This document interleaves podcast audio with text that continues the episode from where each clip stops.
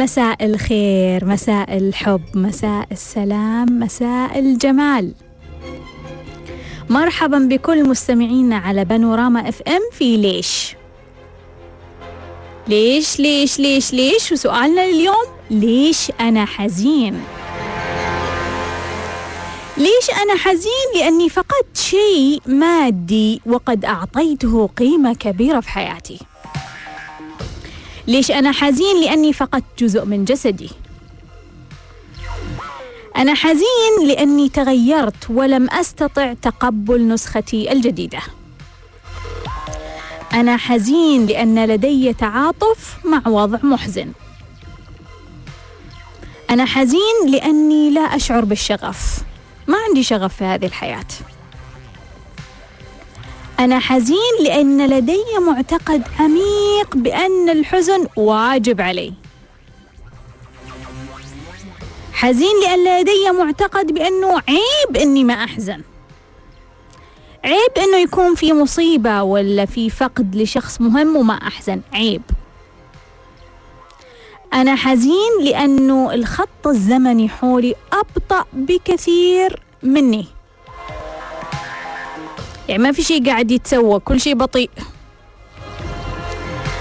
أنا حزين لأن مصادري الطاقية أمي أو أبوي أو أخوي أو أختي أو زوجي أو زوجتي حزينين فتبرمجت.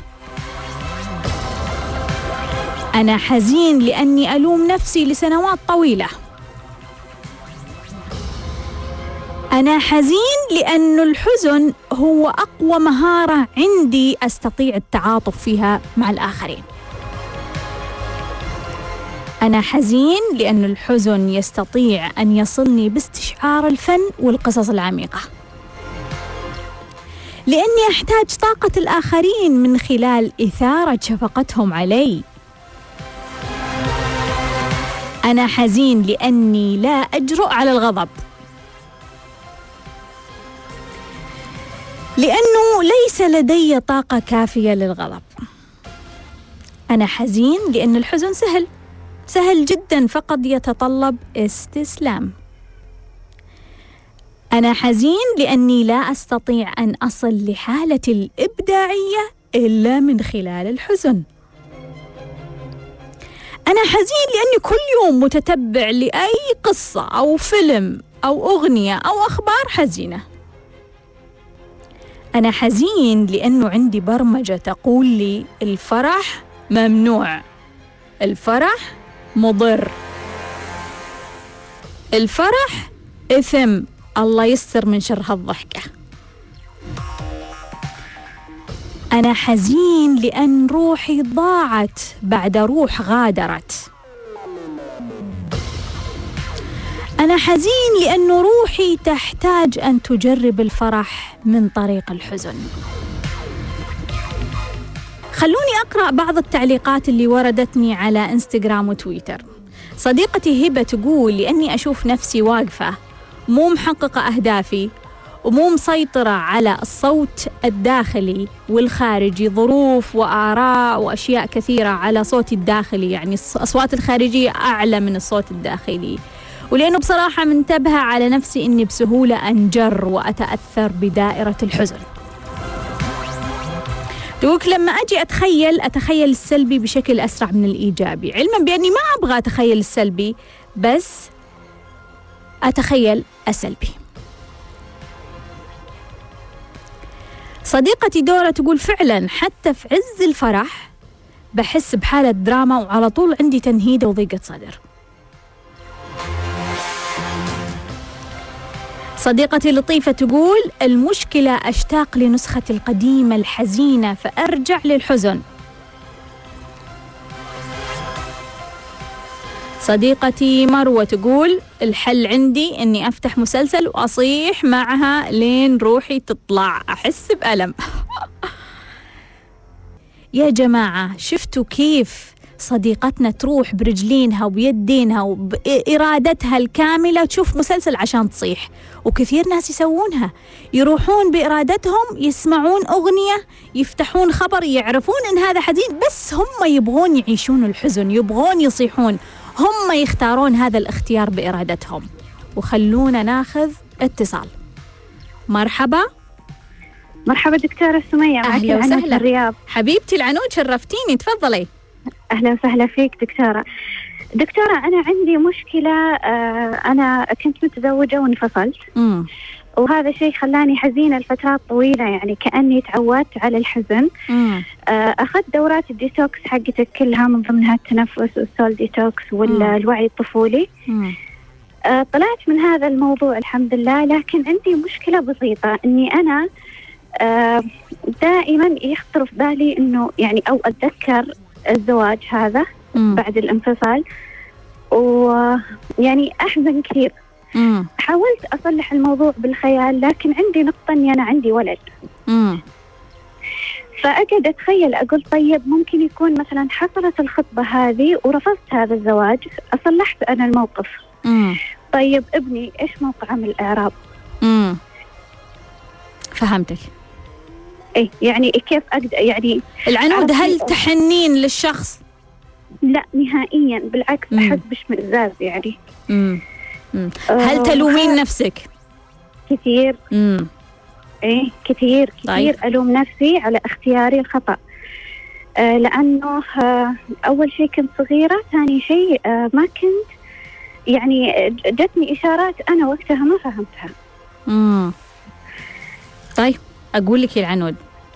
يعطيك العافية شكرا حبيبتي. دكتورة. وناخذ اتصال مرحبا. ألو؟ أهلا وسهلا. مريم. مين معاي؟ مريم. مريم أهلا وسهلا يا مريم. حبيبتي تفضلي. آه، دكتورة بدل ما أطول عليك عندي مشكلتين. تفضلي. آه، المشكلة عندي الأولى امم إنه أنا بحس كل شيء يصير معي قديم.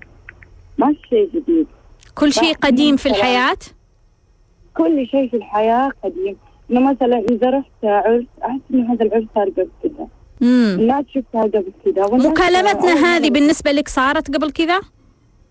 لا ما تكون صارت تكون أول مرة صارت بس أنا أحس إني صار قبل كذا بحس أنا من. شعورك الآن أنه مكالمتنا صارت قبل كذا شعورك؟ إيه أنا بحس كل شيء إنه مثلا مم. أنا أول ما فتحت إذاعة بانوراما حسيت إن كل الأصوات سمعتها قبل كده وأنا أول مرة بس. فهمتك. كل شيء بحسه يصير قبل كده والمشكلة الثانية امم إنه أنا بيكون عندي شعور سيء شعور يعني إنه راح يصير شيء سيء وأتجاهله ولما أسويه يصير السيء. سيء امم فهمتي كيف؟ إيه. وأتمنى تساعدوني طيب أقول لك يا مريم. شكرا. حبيبتي شرفتيني. وناخذ اتصال. مرحبا. أقول لك يا مريم. ألو؟ أهلا وسهلا. يا هلا ومرحبا. مرحبا مين معاي؟ معك أبو فارس الله يعافيك. أبو فهد؟ أبو فارس. أبو فارس شرفتني أبو فارس تفضل. الله يسلمك. نعم الدكتورة أنت الدكتورة؟ أي معاك على الهوا. الله يعافيك. تفضل. أه بغيت أسألك هو ما أدري موضوع اليوم ولا لا بس إني سمعت قبل كم يوم موضوع الخوف. إيه وحبيت أسألك عن شيء. أنا عندي آه، ولدي فارس. امم عمره ثم- سبع سنين. امم ومرة صار موقف باللفت حق العمارة. امم إنه تعطل. آه. وبعدها صار ما يبغى يركب آه، اللفت. امم فما أدري كيف أتعامل معه. طيب أقول لك. أقول لك. شكرا يا الله أبو فارس. شرفتني. وناخذ اتصال. مرحبا. مرحبا. ألو مرحبا. مرحبا مين معاي؟ آه معك فاطمة دكتورة سمية. أهلا وسهلا فاطمة حبيبتي. حبيبتي دكتورة سمية مو مصدقه إني ترددت عليك. تفضلي شرفتيني. حب- حبيبتي دكتورة سمية أنا عندي مشكلة حاليا آه قاعدة أمر بمرحلة طلاق بس للأسف الخيار مش آه مش خياري. يعني إنه مفروض علي ان أواجه هاي الطلاق. حضرت جلسة الطلاق تبعك. ووقت اللي حضرتها يعني من النتائج اللي اتضحت لي ان الطلاق غير مناسب لي هو قرار غير واعي مم. حتى إن الطرف الثاني هو قاعد ياخذ قرار غير واعي مم. آه هو زواج مرينا فيه تقريبا ثمان سنوات أو أكثر مم. هي كانت علاقة جميلة بس فيها يعني كثير من آه، عدم التوازن آه، إن أنا كنت آخذ مسؤوليات أكثر من اللازم. آه، في تعلق من ناحيتي آه، بهاي الزوج يعني مم. إن تعلق زيادة باللزوم ما أحب إنه يكون غايب عن عيني مم. فمو عارفة إن ال- حاليا آه، لحد الحين ما تم الطلاق هو ما قاعد يسعى بطريقة يعني آه، قوية يعني إنه بالعكس آم، أنا قاعدة أدفع إنه إنه تاركني معلقة فيعني عشان كذي ساعات أدفع إنه إذا ما راح نحل ليش ما يعني خلاص نتجه نحو الطلاق. فأحيانا أشعر بالذنب بسبب إن الأخطاء اللي صارت خلال الزواج أشعر إن في مجال للإصلاح. مم. وفي نفس الوقت أشعر ما أدري يمكن إنه بما أنه هو مو قراري هل شلون أفرض آه، هاي القرار على شخص ثاني؟ هو رافض للتفاهم رافض إنه يترك مجال للإصلاح فمو ش- شنو الرسالة الع- الرسالة واضحة إن في شغلات كان لازم تتغير إن العلاقة فيها أخطاء وفي شخصيتي فيها شغلات يعني آم، أحتاج أطور من نفسي مم. بس يعني آم، فاطمة هو ال- يبغى الطلاق وأنت لا ومخليك معلقة الآن فتحسين بالذنب وتحسين إنه ممكن تتعدل هذه العلاقة صح؟ صحيح مم. صحيح مم. طيب فما أعرف يعني شنو نصيحتك. خلاص أقول لك يا فاطمة حبيبتي شرفتيني. شكرا حبيبتي تسلمين حبيبتي. مع السلامة. مرحبا. مرحبا. مرحبا بك يا دكتورة كيف حالك؟ أهلا وسهلا مين معاي؟ معك محمد. أهلا وسهلا محمد تفضل. والله دكتور الواحد حزين. إيه ليش؟ عشان عشان اتنصب علي. أفا؟ اتنصب علي والله. اتنصب عليك؟ يا والله. آه. جاتني رسالة جاتني رسالة من البنك SMS. أيوة. بعت لي فيها رقم تليفون جوال يعني اتصل على ده ده من خدمة العملاء وكده. اتصلت عليه على أساس إن أنا مطمن للرسالة من من البنك. أيوة. وبعدين لما اتصل عليه خد المعلومات بتاع البطاقة و- وسرقني. وبعد. كده آه والله. طيب ما شكيتهم. ما تكلمت؟ شكيت هشكل مين قال لي يعني ده نصب و- وعصابة وكده والكلام ده. عرفتي فالواحد حزين حزين خصوصا إن الواحد ربنا يعلم ب... كم صار يعني الحدث هذا؟ أنا- كم صار للحدث؟ ده قال أسبوعين بس والله. أسبوعين. وأنت لسه ما. زلت في هذا الشعور؟ والله بهذا الشعور يا دكتورة واللي بيزيد إنك عندي بنتين توأم المفروض مستنين عشان أنزل أجهزهم وهيتجوزوا يعني. يا حبيباتي إيه. والله هذه اللي اللي اللي, بيألمنا أكتر ويحزننا أكتر امم طيب خلني أقول لك رأيي يا محمد. الله يحفظك. شكراً جزيلاً. شكرا دكتور. شكرا. طيب. خلونا نشوف آه الاتصالات اللي وردتنا. كان عندي العنود تقول إنه هي يعني انفصلت عن زوجها ومرت بحالة حزن وكأنها تعودت على الحزن وتقول إنه تحاول إنها تصحح هذه الفكرة في الداخل عندها لكن هي عندها طفل من هذا ال- الزواج. فتقول لما أنا أتخيل إنه أنا ما أتزوج لأنه كان قرار وأنا صغيرة وكان في إشارات أنا ما فهمتها. فهي تقول لما أتخيل إنه هذا الزواج ما صار طيب هذا الطفل وش قصته؟ طيب العنود أنت تقدرين تتخيلين أو تصححين ال- الفكرة في ذهنك؟ من خلال إنه هذا الزواج كان جيد بس أنت قررتي تمشين من هذا الزواج إنه أنت قررتي تختارين خيارات أخرى أو تطرقين باب آخر. أنت مشكلتك وين يا العنود؟ مشكلتك مش في الحزن مشكلتك في اللوم في التأنيب لأنك أنت قاعدة طوال الوقت تجلدين نفسك.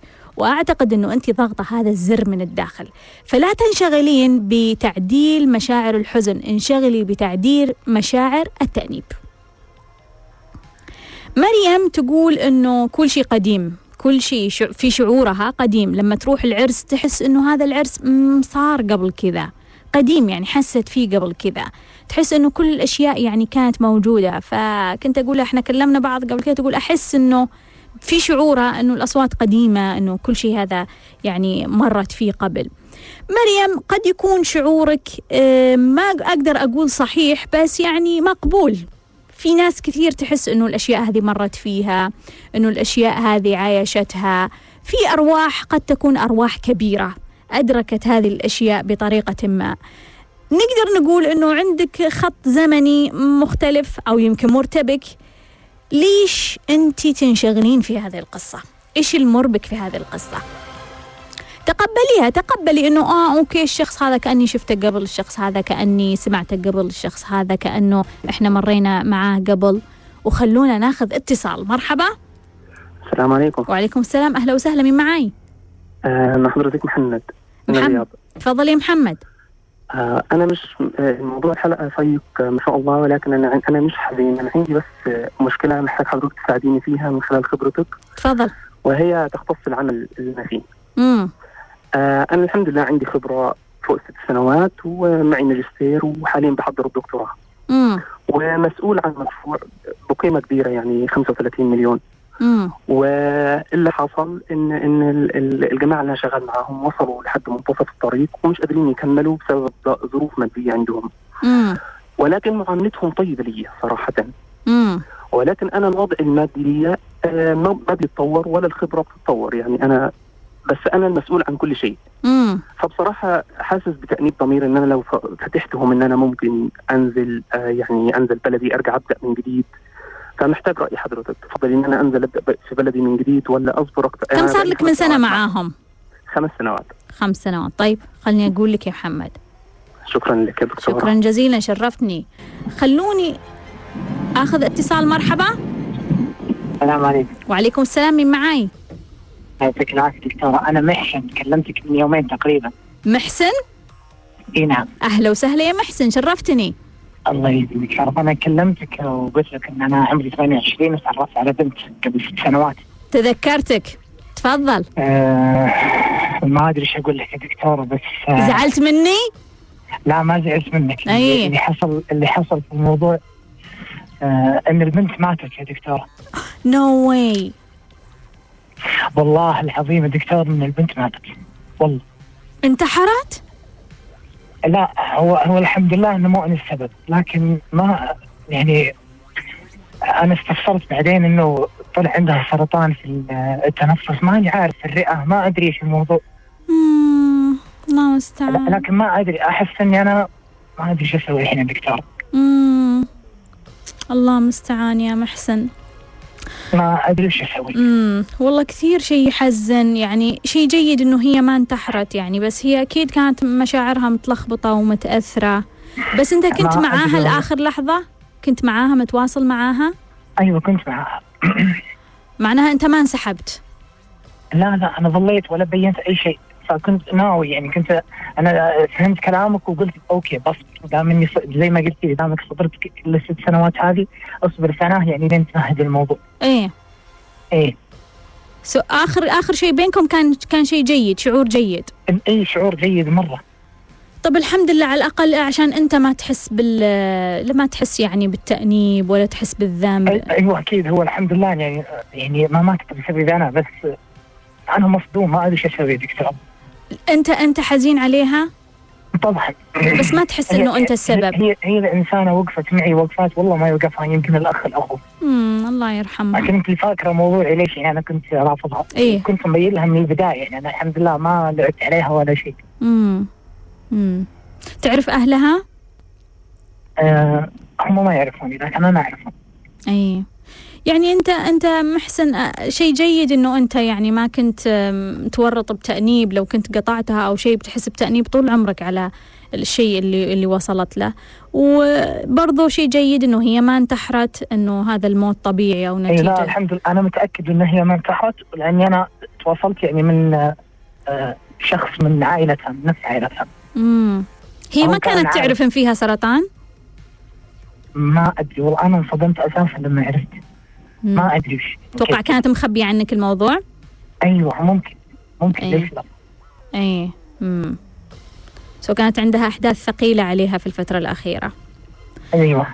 طيب خلني أقول لك يا محسن أتكلم لك عن الموضوع. الله. يحفظك. شكرا جزيلا. bye bye. طيب. ومعنا اتصال مرحبا. السلام. عليكم وعليكم السلام مين معاي؟ آه معك نورة. أهلا أستاذ سمية. أهلا وسهلا حبيبتي نورة تفضلي.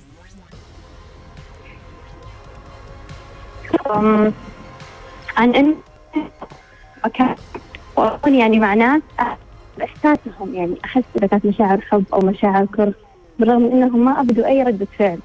حتى أنت نظرة تحسين في الناس؟ إنه إيه أنا هذا الشيء يصير معايا فبعرف إنه هل هذا شيء طبيعي ولا إيش؟ امم طيب خليني أقول لك. شكرا يا شكراً. نورة. طيب خلونا ناخذ اتصال. مرحبا. أهلا السلام عليكم. وعليكم السلام. دكتورة. مساء الخير مين معاي؟ آه معك أثير.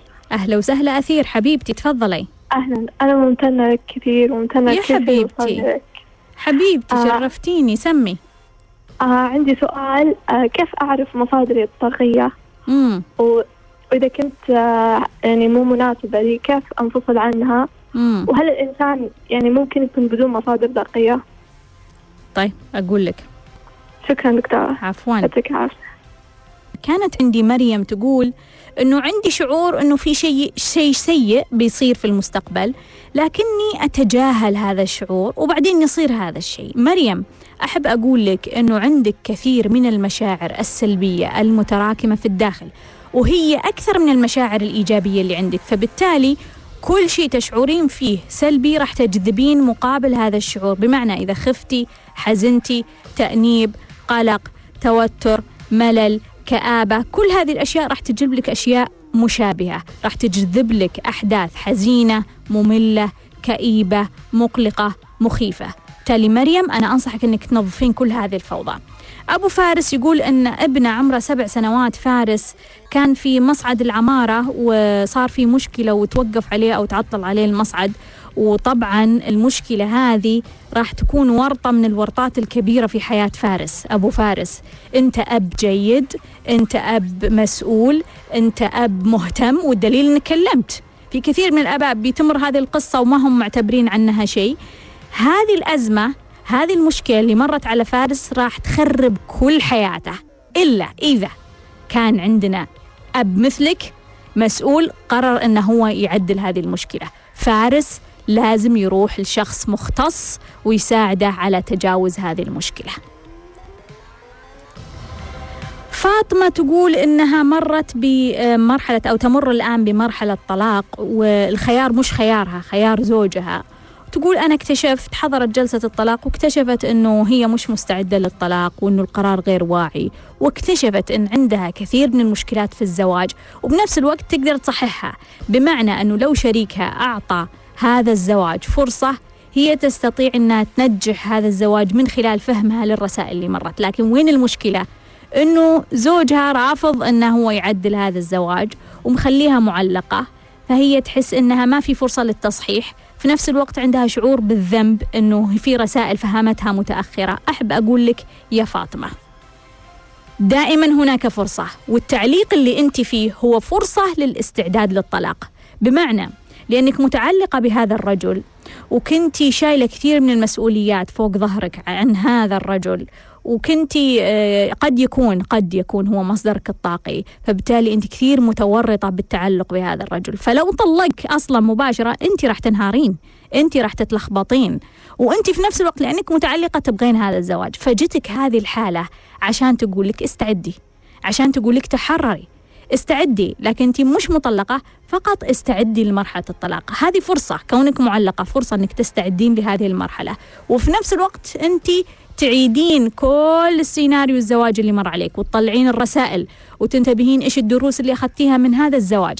ما دام أنا أخذت هذه الرسائل وفهمتها لو استمر هذا الزواج أنا راح أنتبه لواحد واثنين وثلاثة. لو ما استمر زواجي القادم أنا منتبهة لهذه النقاط. لو قرر هذا الرجل إنه يطلق أنا مستعدة. محمد محمد يقول اتنصب علي. فيه رسالة جته SMS من البنك. قالوا إنهم من البنك وسحبوا معلوماته الشخصية وصاروا عصابة ونصب عليه. وهو كثير حزين صار له أسبوعين حزين. محمد أنا ما ألومك صراحة. ما ألومك إنه أنت يمكن محوش تحويشة العمر وبناتك ينتظرونك. إحنا لما يجينا حزن أو يجينا آه، مشاعر مشاعر سلبية اللي أحيانا أو في كثير من الأحيان لازم تاخذ وقتها عشان تمر. إنها هي إنه إحنا بشر يا جماعة. إحنا إحنا في النهاية بشر. عندنا مشاعرنا الطبيعية. ما نبغى أصلا نفقدها. ما نبغى في النهاية ما يكون عندنا إحساس ما يكون عندنا دم. لا إحنا نبغى يكون عندنا إحساس بس ما نبغى هذه المشاعر تورطنا. ما نبغى هذه المشاعر تكون كل حياتنا. ما نبغى هذه المشاعر تخلينا نتخذ قرارات خطأ. فبالتالي محمد أنا أقول صار لك أسبوعين حزين ما يخالف معليش إنه أسبوعين إذا بتمددها ثلاثة أسابيع إذا بتمددها شهر بالكثير بعدين خلاص. قل نفسك ستوب قل نفسك خلاص. أنا اتنصب علي وفهمت الدرس الآن. عندك رسالة يا محمد تقول لك مش أي شخص تثق فيه. مش أي أحد يرسل لك رسالة ويتكلم معك تثق فيه. النصابين كثير يا محمد. هذه الرسالة تقول لك هذا هذه رسالة كونية جتك وأربكت حياتك عشان أنت تفهم هذا الوضع. كان ممكن ينصب عليك في موضوع أكبر. بس أنت الآن نصب عليك في قضية أصغر. فإذا فهمتها خلاص. أنت فهمت الموضوع وأنهيت القصة. إذا ما فهمتها أنت راح ينصب عليك مستقبلا بشكل أكبر وبفلوس أكثر.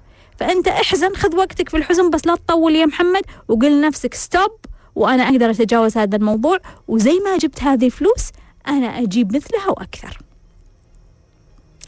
محمد برضو محمد آخر هذا آه، محمد هذا ما شاء الله يعني مسؤول في شركة ويبدو لي أنه شخص جيد ويحضر دكتوراه ويدير شركة كبيرة وهو على علاقة جيدة مع ملاك الشركة. يقول لكن آه، يبدو أن الشركة في حالة إعسار فهو يقول إن الوضع المادي مش متطور ويعني ما ما يتقدم حتى في المنصب ولا في في الوضع المادي وصار له خمس سنوات معاهم.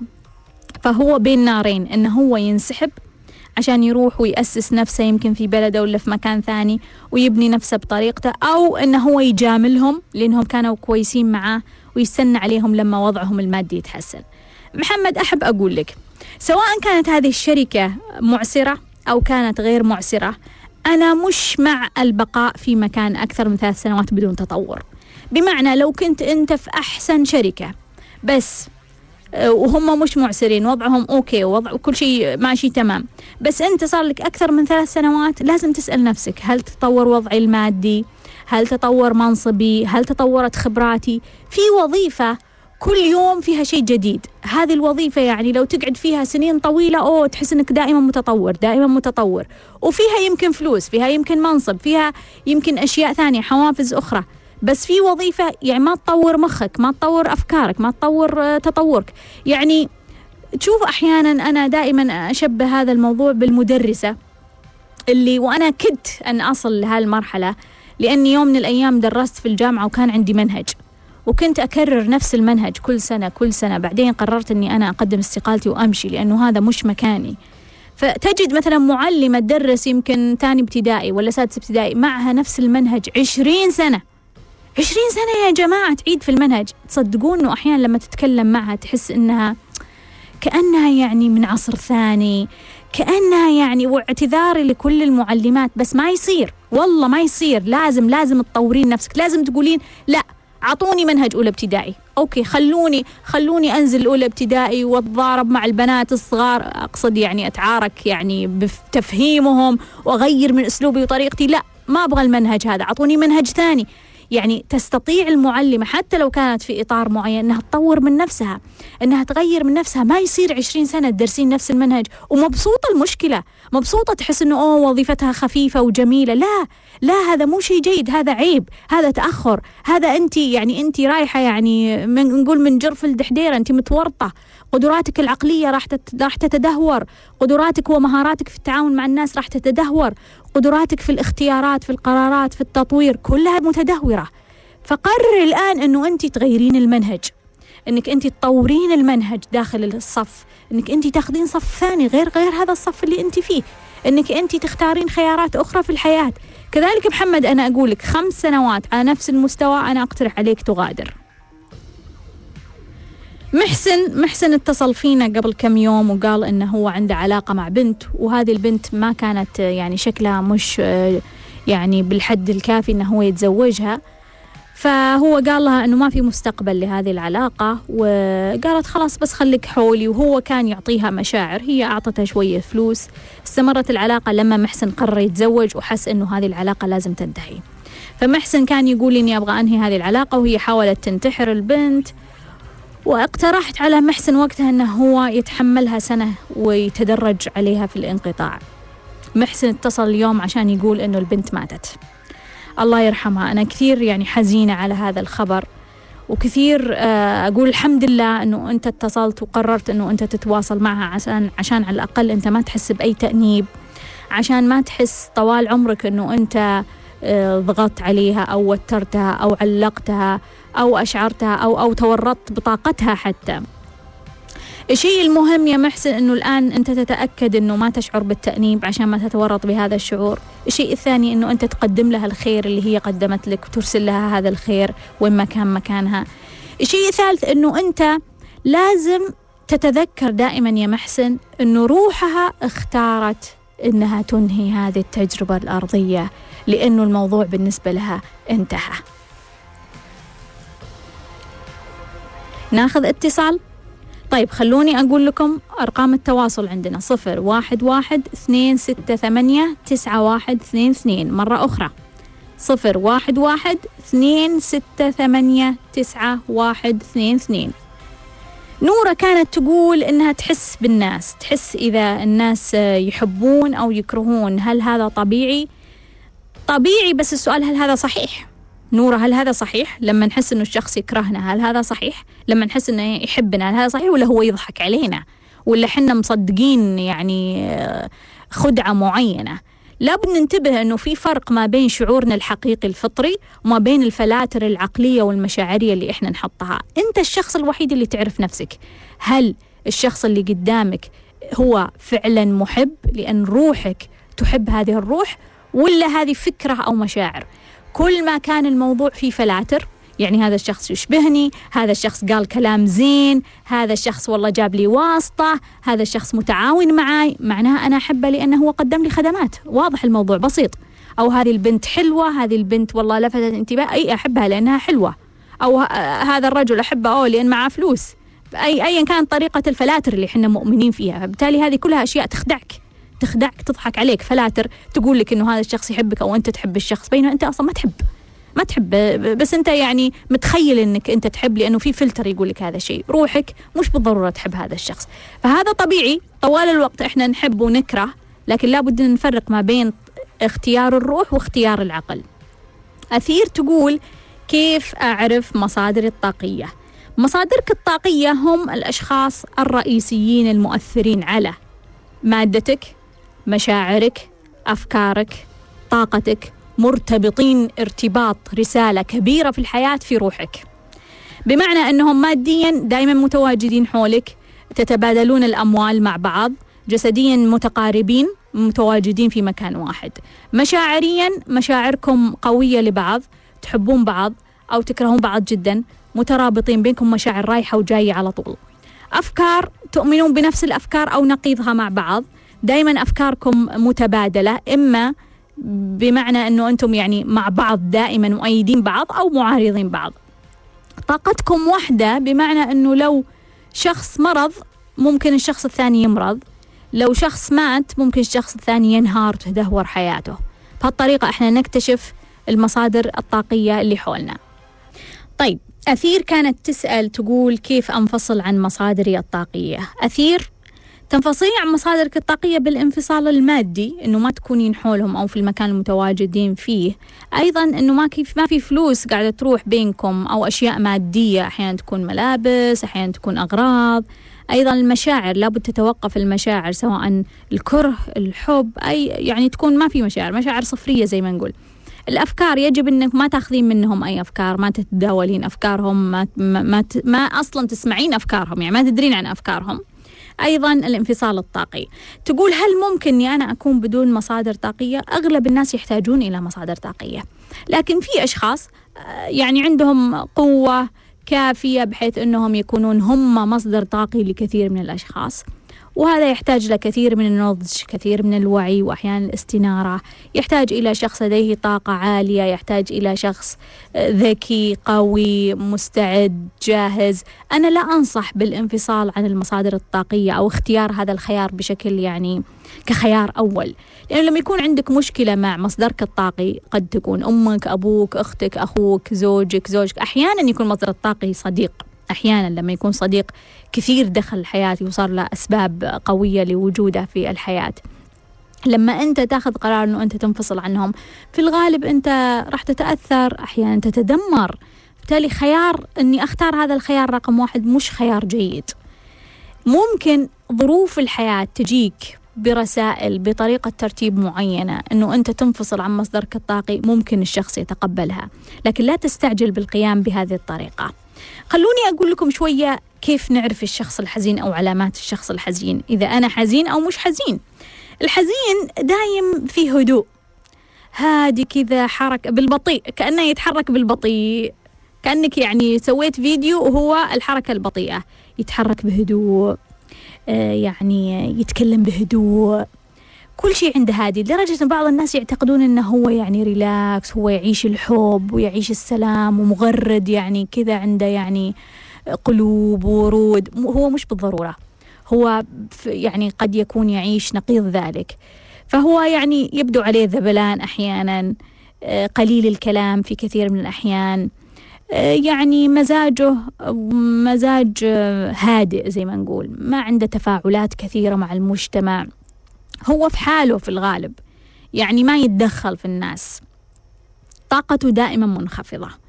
يعني لما تقول خلنا نطلع المكان الفلاني نتمشى خلنا نطلع نسهر خلنا نطلع نقابل فلان خلنا نسوي بزنس يقولك أوه الموضوع مرة صعب وكبير وطاقة كبيرة وممكن يعني ينام ويطنشك يعني وأنت مواعدة يقول سالفة أسوي هذا الشيء بعدين أسوي هذا الشيء. ثقيل ثقيل الموضوع يعني. طاقة الحياة ثقيلة عليه كبيرة عليه. فهو لديه دائما طاقة منخفضة جدا ويتوتر من الطاقة العالية. يعني لما يعني خلاص أنت تدفع تدفع أو أو ظروف قاهرة يعني أخت زواج أختها خلاص ما عندها خيار إلا تروح تحضر الزواج. تلقاها الحزينة متوترة من الطاقة العالية متوترة من الإزعاج والناس وزحمة الناس تقول خلاص خلاص خلونا نرجع البيت خلاص يا جماعة والله سهرنا والله طولنا والله إزعاج. خلاص ما أتحمل كل هالكلام خلونا نرجع البيت بالتالي دائما يحاولون يحافظون على هذه الطاقة المنخفضة يصعب عليهم أنهم يعيشون في أجواء الطاقة العالية والصاخبة. الأزمة الكبيرة عند كثير من الأشخاص الحزينين لما يفقدون أموال لما يفقدون أشياء مهمة لما يفقدون مثلا مجوهرات لما يفقدون وظيفة لما يفقدون شيء في حياتهم. كثير من الأشخاص يقعدون حزينين فترة طويلة لأنهم فقدوا هذا الشيء. على فكرة الموضوع ما يرجع للفقد. لا لا لا لا. الموضوع أعمق. الموضوع يرجع لأنك أنت عطيت هذا الشيء خمس نجوم. يعني أنا عطيت الفلوس خمس نجوم فلما فقدتها فقدت الخمس نجوم يا جماعة. أنا عطيت وظيفتي خمس نجوم فلما طردوني آه فقدت خمس نجوم يا جماعة. أنا كان عندي مجوهرات ومهمة بالنسبة لي وخمس نجوم لما فقدتها أوه فقدت خمس نجوم من حياتي. فطبيعي تهتز حياتي. عشان كذا خلونا نقول لكل شخص حزين ولكل شخص يعطي خمس نجوم لأشياء كثيرة في حياته. stop stop ليش؟ ليش؟ ليش؟ ليش أنت تعطي أشياء لا تستحق في حياتك خمس نجوم؟ لا تخلي ولا شيء ولا شيء يا جماعة. خلونا نقرر. ولا شيء في حياتك يستحق خمس نجوم. لا تعطي ولا شيء حتى يمكن ولا شخص خمس نجوم. لا تعطي شيء خمس نجوم. أعطهم أربعة نجوم. أربعة ونص طيب. طيب تكفى. خلنا نتفاوض على أربعة ونص. خمس نجوم تدهور الحياة. خمس نجوم للأشياء والأشخاص معناها معناها خطير. إذا عندك أشياء كثيرة خمس نجوم أحب أوعدك. وعد. قاطع. إنك أنت قريبا راح تفقد واحد من هذه الأشياء خمس نجوم. إنه أنت قريبا راح يتدمر عندك شيء من أبو خمس نجوم. فبالتالي حتى تعيش حياة متوازنة. أنت تحتاج أنك تخفض أهمية كل هذه الأشياء. كل الخمس نجوم هذه على الأقل على الأقل خلها أربعة ونص. بعد سنة من الآن خلها أربعة. أوعدك أوعدك أنه حياتك راح تكون جميلة. أنك لن تذوق الألم والحزن لأنه كثير من الأشياء اللي إحنا نحزن عليها هي ما تستاهل بس إحنا أعطيناها خمس نجوم خليناها تستاهل. كثير من الأشخاص يشعرون بالحزن لأنه ما عندهم شغف. وين المشكلة الأعظم من ما عندهم شغف؟ إنهم ما يبغون يجربون لأن ما عندهم طاقة. اتفقنا إنهم ما عندهم طاقة. بالتالي أصلا ما يبغون يجربون. يستسلمون أوه خلاص ما عندي شغف. يستسلمون عن التجربة. أنا أدعو كل شخص حزين وأقول له جرب. جرب جرب جرب جرب. اطلع اليوم. اطلع بكرة. اطلع من غرفتك. اطلع من مكانك. لا تستسلم. أقول لشخص حزين لا تستسلم. إذا استسلمت ترى الحفرة اللي بتتورط فيها ورطة ما تقدر تطلع نفسك منها. الآن عندك الخيار أنك ما تستسلم. أنك تقول أبغى أجرب. مين خالف؟ حتى لو الطلعة هذه ما تعجبني. حتى لو اللبس هذا مو معجبني. حتى لو البزنس هذا مو معجبني. مين خالف؟ خلني أتحرك. خلني أجرب أجرب أجرب. يوم من الأيام بعد كل هذه التجارب في تجربة راح تغير مشاعرك. اوعدك في تجربة راح تغير مشاعرك. لكن انتبه إنك تستسلم. تعرفون إنه في أشخاص عندهم الحياة بطيئة جدا. هذه واحدة تقول لي أنا ولدت في بيت في أمي وأبوي بس وجابوني وبس. هذه هي الحياة. تقول كل شيء عندنا هادي ونظيف ومرتب والحياة مثالية وما في أي شيء. حياة رتيبة هادئة مملة. تقول لك لدرجة أنه خالتي تزوجت قعدنا عشر سنوات نتكلم عن هذا الزواج. يا جماعة في العشر سنوات عندهم حدث واحد مهم. إذا كنت في بيئة هادئة طاقتها منخفضة أرجوك اصنع شيء يجدد طاقة هذا المكان. أنت عندك الخيار. تقدر تسوي أي شيء. تقدر تسوي حفلة تقدر تسوي مناسبة تقدر تسوي شيء جديد في البيت. في غرفتك حتى في غرفتك تقدر تسوي شيء جديد. هذه الأشياء الجديدة هذه الأحداث الجديدة لها طاقة. يعني لما مثلا تجيب شاشة تلفزيون في غرفتك أوه هذا حدث. بيجون عمال بيركبونها بعدين أفراد العائلة بيدخلون يعلقون بعدين أنت بيصير عندك أحداث. هالشيء جديد له طاقة. طيب أنت بتطلع التلفزيون من غرفتك برضو هذا حدث. أنت بتصبغ غرفتك هذا حدث. فأصنع الأحداث. أعرف أنه صبغة غرفتك جميلة ورائعة وما في مثلها لكن أنت في حالة شعورية تحتاج أنك تجدد. تحتاج أنك أنت تحدث طاقات جديدة عشان ما يكون الهدوء هذا هو اللي يعم المكان طوال الوقت. أبغى أقول لكل شخص حزين. أبغى أقول لكل شخص مليان بالحزن والكآبة. أرجوك عصب. عصب إيه عصب؟ عصب. عصب على أحد يا أخي. دور لك على خبر يعصبك. مين خالف إحنا راضين. تحرك. تحرك. الحزن هذا مستوى مشاعر الحزن هي أسوأ بكثير من مشاعر الغضب. الغاضب إنسان حي عايش. عايش يا جماعة يتفاعل مع الحياة ويطلع ويدخل ويعصب على الناس ويهاوشهم. ما دام هو مش خطر فإحنا قادرين نتقبله ونتحمله في المجتمع. عايش يعني عنده أحداث عنده يعني يحب الحياة. الحزين لا. الحزين يعني أقرب مخرج من الحياة يمشي ويخلينا.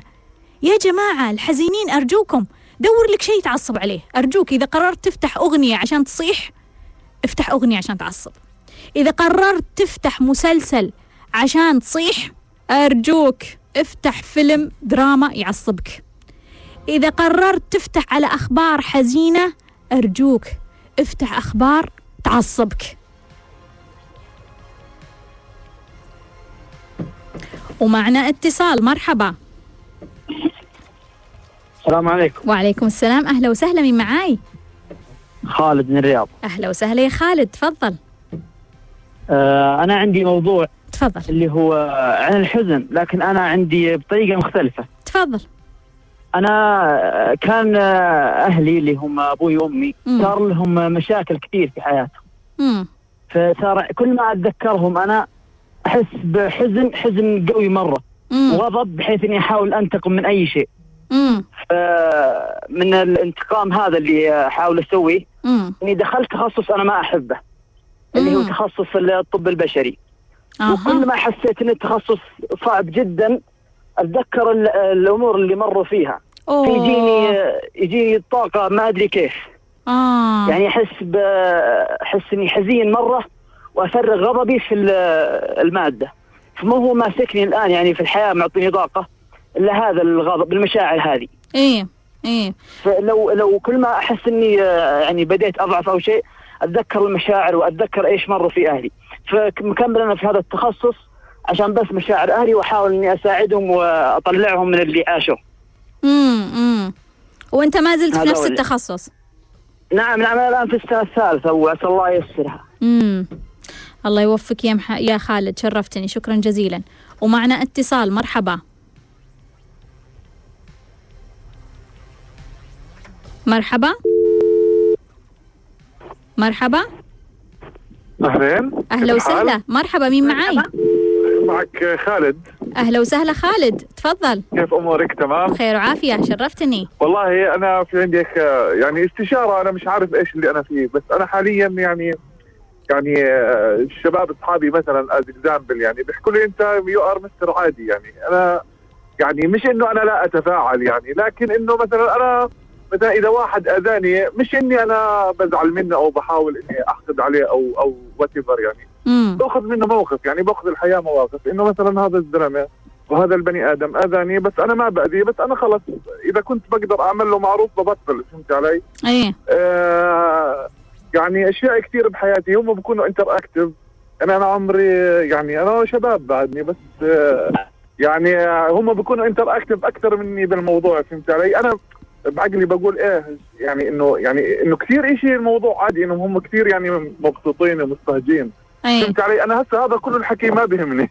مم. أنا اللي بيهمني إنه شريكة حياتي بخاف إنه هذا الموضوع يأثر فهمت علي؟ إنه يعني إنه تكون هي كثير interactive بالمواضيع كلها مم. وأنا كثير يعني هيك عنصر خامل بحس حالي عنصر خامل أنا يعني عشان يعني تكون الصورة واضحة مش إنه خامل بكل شيء يعني أنا بالمواقف الحزينة ناس حزينين بحاول يعني مش بحاول بتعاطف معهم. يعني بشوف مثلا على التلفزيون كذا مش إني بحزن أو مثلا تصير قصة مأساوية مش إني بقول يعني هيك في ناس بتأثروا فهمت علي؟ بيحزنوا. أنا بتعاطف بقول يعني أوكي عادي يعني هذا هو نصبه يعني قدره ونصيبه. هي هي المشكلة. أنا مشكلتي أنا بشريكة حياتي. أنا بخاف انه إن دخلت قبل في حالات. اكتئاب أو حزن يا خالد؟ لا والله لا للأسف. يعني لو لو الاكتئاب أو حزن مر علي كان أنا عرفت السبب فهمت علي إيه بس هو يعني ما في شيء صار معي أنا من هيك من, من أنا صغير إنه يعني يعني دائما انت أنت صدرك. متوسع ودايم مبسوط وسعيد آه آه إيش؟ دائما؟ أنت يعني سعيد يعني ما عندك آه حزن يعني مش إنه دائما سعيد بس دائما هيك رايقة معي الأمور رايق، رايقة مش. انه يعني مش إنه كمان إنه أنا خامل بس أنا بشغل كثير آه، بالشغل مثلا بالشغلات العملية كثير أنا زلمة يعني آه، بضغط على الشغل وكثير منتج فهمت علي؟ مم، يعني. مش إنه أنا والله مثلا خمول بالحياة يع- يعكس خمول بالشغل لا شغلة عملية بحس إنه مثلا واجبي بشتغله يعني الشغلة اللي بتأخذ مع المواطن العادي يوم بتأخذ معي نص يوم وهكذا فهمت علي؟ مم. بس شغلات مشاعر وما مشاعر هاي الأشياء آه يعني ما بعرف بحس إنه كثير يعني بديش أحكي إنه سخيفة عشان ما الناس تفهمني غلط اي يعني ما تأخذ من طاقتك يعني- ومن حياتك ما تأخذ أهمية آه يعني ما بأخذ أهمية بتعاطف مع الناس بتعاطف عشان يعني في تعاطف في مشاعر كثير تعاطف إني بتعاطف وبحاول أساعد أي واحد بطلب مني مساعدة والله بحاول أساعده. أي. بضلني أساعد البني آدم حتى أكتشف إنه ما بتسهل بس أكتشف إنه ما بتسهل ببطل أساعده بس إني بكرهه أو بحقد عليه بقول خلص هذا الزلمة أي. أخذت أنا منه موقف ما بساعده. فهمتك يا خالد. هيك يعني امور الأشياء العملية آه، أموري تمام بس قلت لك أنا هاي شغلة المشاعر مهم كثير. عشان يعني أنا ما بدي أظلم ممكن أنا يعني أرتبط بوحدة ممكن هي تتضايق من هذا الإشي طب اي بعدين أقول يعني لك أنا ما بدي أظلم بنت العالم من الناس اي؟ بقول لك بقول لك إيش اللي بيصير أوكي. طيب شكرا يا خالد شرفتني حياك- حياك. شرفتني هلا. طيب خلوني خلوني أشوف بشكل سريع خالد كان يقول إنه هو مر بحزن على مشاكل أمه وأبوه والآن هو دخل الطب البشري عشان هو يساعدهم. فلما يغضب ويتذكر هذه الأشياء هذا اللي يخليه يستمر. وهذا اللي قلت لكم إنه مشاعر الغضب أفضل عندنا من مشاعر الحزن. خالد آخر متصل كان يقول إن عنده المشاعر غير مهمة وهو مش مفعل للمشاعر. وأصدقائه دايم يستغربون ويقولون له يعني ليش أنت كذا عادي؟ هو متخوف من إيش؟ شوف يا خالد أصدقائك أصدقائك كيفهم؟ يقولون اللي يقولون. هو متخوف إن بكرة راح تجي شريكة حياة تكون مشاعرها قوية وحاضرة يعني تغضب وتحزن وتخاف وتفرح قوة وهو ما عندها هالتطرفات هو ماشي في النص. أحب أقول لك يا خالد هي سوف تأتي. لأنه هذا اختبارك واستعد لهذه الرسالة لكن أنت واعي وأنت قدها. أتمنى تكونوا استفدتوا واستمتعتوا في لقائنا لليوم. وتذكروا الدنيا خضرة حلوة. إلى اللقاء.